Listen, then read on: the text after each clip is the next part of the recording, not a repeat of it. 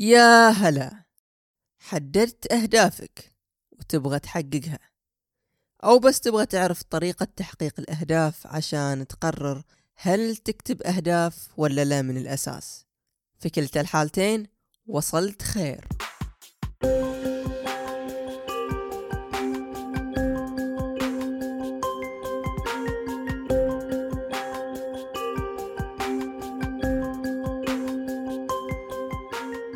ما بقعد أتفلسف عليك وأقول لك لازم تكون عندك عزيمة قوية ولازم تكون عندك إرادة تكسر الصخر وجهز نفسك للنوم القليل والسهر الكثير.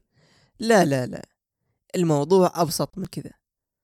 كل أمور حياتنا من يوم كنا صغار كنا ننجزها بشيء واحد أساسي الاستمرارية في العمل. حاول تتذكر يوم كنت صغير. وكنت متحمس وتبغى تقص البرتقال بالسكين. وانت أصلا ما عمرك مسكت سكين. أو كل ما مسكتها كانوا أبوك وامك يشيلوها عنك. مو عشان ما يبغوك تقص برتقال. لا لا لا. لكن عشان ما تجيب العيد وتجرح نفسك. هل كنت تعرف تقص البرتقال من أول مرة؟ طبعا لا. أو أقلها أنا ما كنت أعرف. أول الطريق عشان أقدر أقص البرتقال. كان إني أتعلم كيف أمسك السكين بشكل ما أجرح فيه نفسي وأتدرب على هالمسكة. وبعدين أتدرب على قص البرتقال بالمسكة بمساعدة الكبار. بعدها صرت أقدر أقص البرتقال لحالي. شيء بسيط مثل قص البرتقال ما أخذ يوم ولا يومين. أخذ أكثر من هالمدة. صراحة ما أذكر كم أخذت عشان أتعلم كيف أقص البرتقال لحالي لكن هالشي البسيط أحتاج إني أجرب وأتدرب بشكل مستمر عشان أقدر أنجز هالإنجاز الكبير بالنسبة لي لما كنت طفل.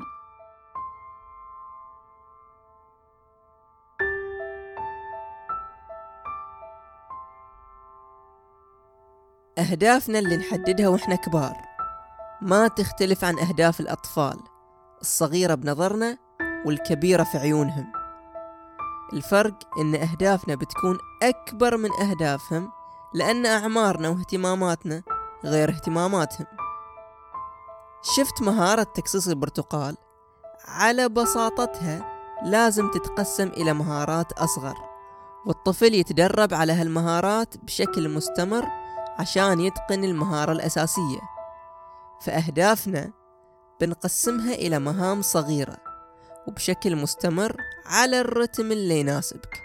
حاول تنجز هالمهام اللي باكتمال إنجازها بتكون حققت الهدف. خلاصة كل هالكلام عشان تحدد أهدافك. واحد لازم تقسم أهدافك إلى مهام أصغر. اثنين انجز هذه المهام بشكل مستمر. ببساطة هذه طريقة إنجاز المهام. وبالتوفيق.